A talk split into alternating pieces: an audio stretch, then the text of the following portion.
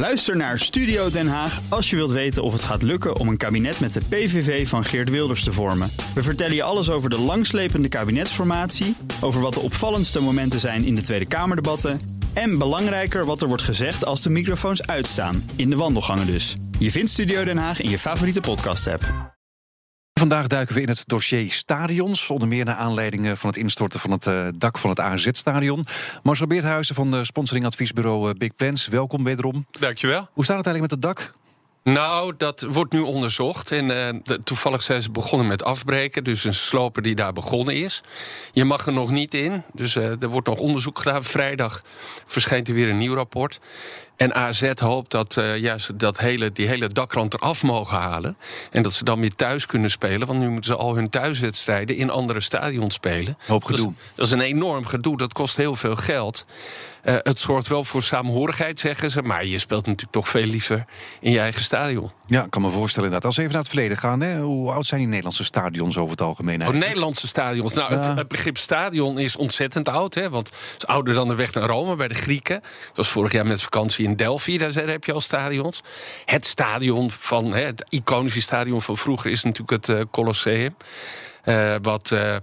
Ja, wat 50.000 plaatsen had, wat drie ringen had, waar je ook al VIP-seats had en dat soort zaken. In Nederland uh, en, en in Europa zijn de, de, eerste stadions aan het eind van de 19e eeuw uh, zo'n beetje gebouwd. Nou, de Kuip, het oudste stadion van Nederland, is uh, van 1937, of het oudste bekende voetbalstadion. Ja, en Feyenoord die wil eigenlijk een nieuw bouwen. Hè? Hoe staat ja. het daarmee eigenlijk? Ja, het is een enorm gedoe. Hè? Eigenlijk had het al lang klaar moeten zijn toen dat plan voor het eerst gepresenteerd werd. Er is enorme verdeeldheid in Rotterdam en omstreken. Of, we, of ze nou het oude stadion, hè, de oude Kuip moeten renoveren... of het, nieuw, het nieuwe stadion moeten bouwen. Nou, uiteindelijk is ook uh, met medewerking van de gemeente besloten... om een nieuw stadion te, te bouwen. Dat kost uh, 444 miljoen euro. Een deel daarvan is al door Goldman Sachs bij elkaar gebracht... Uh, aan, aan geld met een bankaire lening. En nu zijn ze nog op allerlei andere manieren geld aan het ophalen. Een deel komt natuurlijk van de gemeente, 40 miljoen voor de bouw van het stadion. Ook nog meer geld voor de infrastructuur eromheen. 20 miljoen betaalt het stadion Feyenoord zelf. En dan zijn ze nog met allerlei andere partijen bezig om geld op te halen als aandeelhouder. Men zegt dat men al over de, over de helft is.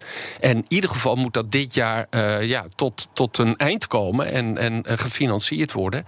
En uh, in april volgend jaar en dan 2023, 2024 is het stadion pas open. Maar het geld is er nog niet dus? Nee, nog niet alles is er. Men zegt dat het goed gaat, maar het is er nog niet allemaal. Ja, maar het kan dus ook niet helemaal niet meer doorgaan natuurlijk ook. Uh, nou, de gemeente heeft er wel een termijn aan, uh, aan, aan, gesteld. En die loopt inderdaad aan het eind van dit jaar af. Als het niet gebeurt, dan, uh, ja, dan staat het hele project weer om, op omvallen. Dan moeten ze de Kuip weer opnieuw Ja, nou, daar, daar, daar, speelt iedereen met veel plezier. het gras, hè, het is het beste stadion van Nederland, zeggen ook alle voetballers. Maar als het gaat om, om commerciële ontwikkeling en andere mogelijkheden... Ja, dan is het heel moeilijk om daar nog iets van te maken. Daar is goed naar gekeken. Als je kijkt in Europa, dan zijn de meeste stadions die er nog zijn... die zijn eigenlijk gerenoveerd. Hè, mm -hmm. Dus die zijn, die zijn al vaak ouder dan 35 jaar. er zijn wel nieuwe stadions, bijvoorbeeld in Bilbao en ook in Turijn...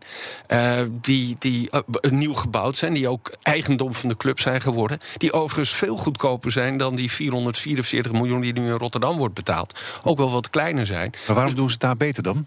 Ja, nou ja, in Italië uh, was het iets meer dan 200 miljoen. Nou schijnt dat het bouwen in Italië veel goedkoper is. Ik hoop maar Misschien dat ook iets. Uh. dat het uh, beter gebeurt dan in ja. Alkmaar is gebeurd. Als dat een leuk grapje is, weet ik niet. Maar dat is veel goedkoper. In Bilbao is het ook veel kleiner. Die stadions die hebben maar 41 zitplaatsen, 41.000. Nieuwe Kuip zouden 60.000 hebben. En dat is veel compacter.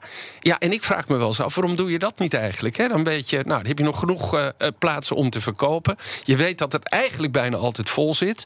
Uh, de sfeer is heel erg uh, uh, goed, want mensen zitten heel dicht op het stadion. Ik ben in Bilbao geweest, ik ben in Turijn geweest. Ja, de, vraag me af waarom ze dat niet hebben gedaan. Nou ja, Wordt nu toch grootste massaal eigenlijk? Um, nou ja, het heeft ook met geld te maken. Overigens heeft men wel, er wordt natuurlijk allerlei marktonderzoek gedaan. In Rotterdam zegt men wel, ja, die 60.000, dat krijgen we he heus wel vol. Hè, want ja, Feyenoord heeft een grote achterban. En de gemeente gemeenten willen het ook graag. Maar ja, je zou je kunnen afvragen: is er niet een ander model te verzinnen? Maar goed, ik denk niet dat ze in Rotterdam zitten te wachten op weer een nieuw model. Die moeten gewoon zorgen dat dit er nu gaat komen. Nou, en dat zou misschien ook makkelijker te financieren zijn als het ietsje kleiner wordt.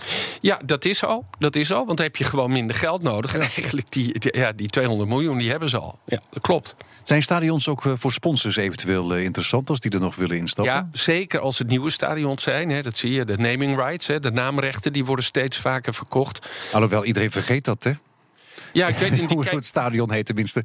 Ja, ja, ik weet in Groningen, eh, de Euroborg staat daar. En dat heeft dan nu een naam inderdaad. Alleen niemand weet wat die nieuwe naam nee, is. Kan ik ook niet iedereen Alleen die 60.000 mensen die er iedere week naartoe gaan. Nee, maar die, die weten het ook niet. Iedereen heeft het over de Euroborg. Ja, de les is een beetje op het moment dat je een nieuw stadion bouwt. Hè, ja, je, je bouwt de Ziggo Dome om een voorbeeld te noemen. is ook en, makkelijk te onthouden. En, en dan, hè, dan meteen vanaf het begin is daar een naam bij. Dan is dat makkelijker te onthouden. Uh, nieuwe stadions in, in Engeland, hè, van Manchester City, uh, ja, die worden voor ongelooflijk veel uh, grote bedragen verkocht. Uh, de Spurs, Tottenham Hotspurs, ben ik ook geweest vorig jaar. Een stadion dat meer dan een miljard kost. Die gaat dan wel op zoek naar een partij. Dat is er niet gelukt. Maar dat zou zeker tussen de, in Nederland tussen de 5 en 10 miljoen euro per jaar moeten kunnen opbrengen. Om je nou, bij een grote club, om, op, om je stadion de naam te geven van een sponsor. Nou, het zou het gat van de Feyenoord misschien nog... Uh... Zeker, ja, is natuurlijk onderdeel van de plannen. Maar je moet eerst weten dat het er komt en dan kun je dat pas verkopen. Dankjewel, Marcel Beerthuizen van sponsoringadviesbureau Big Plans. Ook Diana Matroos vind je in de BNR-app. Ja, inderdaad. Je kunt live naar mij luisteren tijdens de Big Five. Ook handig in de BNR-app. Breaking nieuwsmeldingen, maar ook het allerlaatste zakelijke nieuws. En je vindt in de app alle BNR-podcasts, waaronder Wetenschap Vandaag. Download nu de gratis BNR-app en blijf scherp.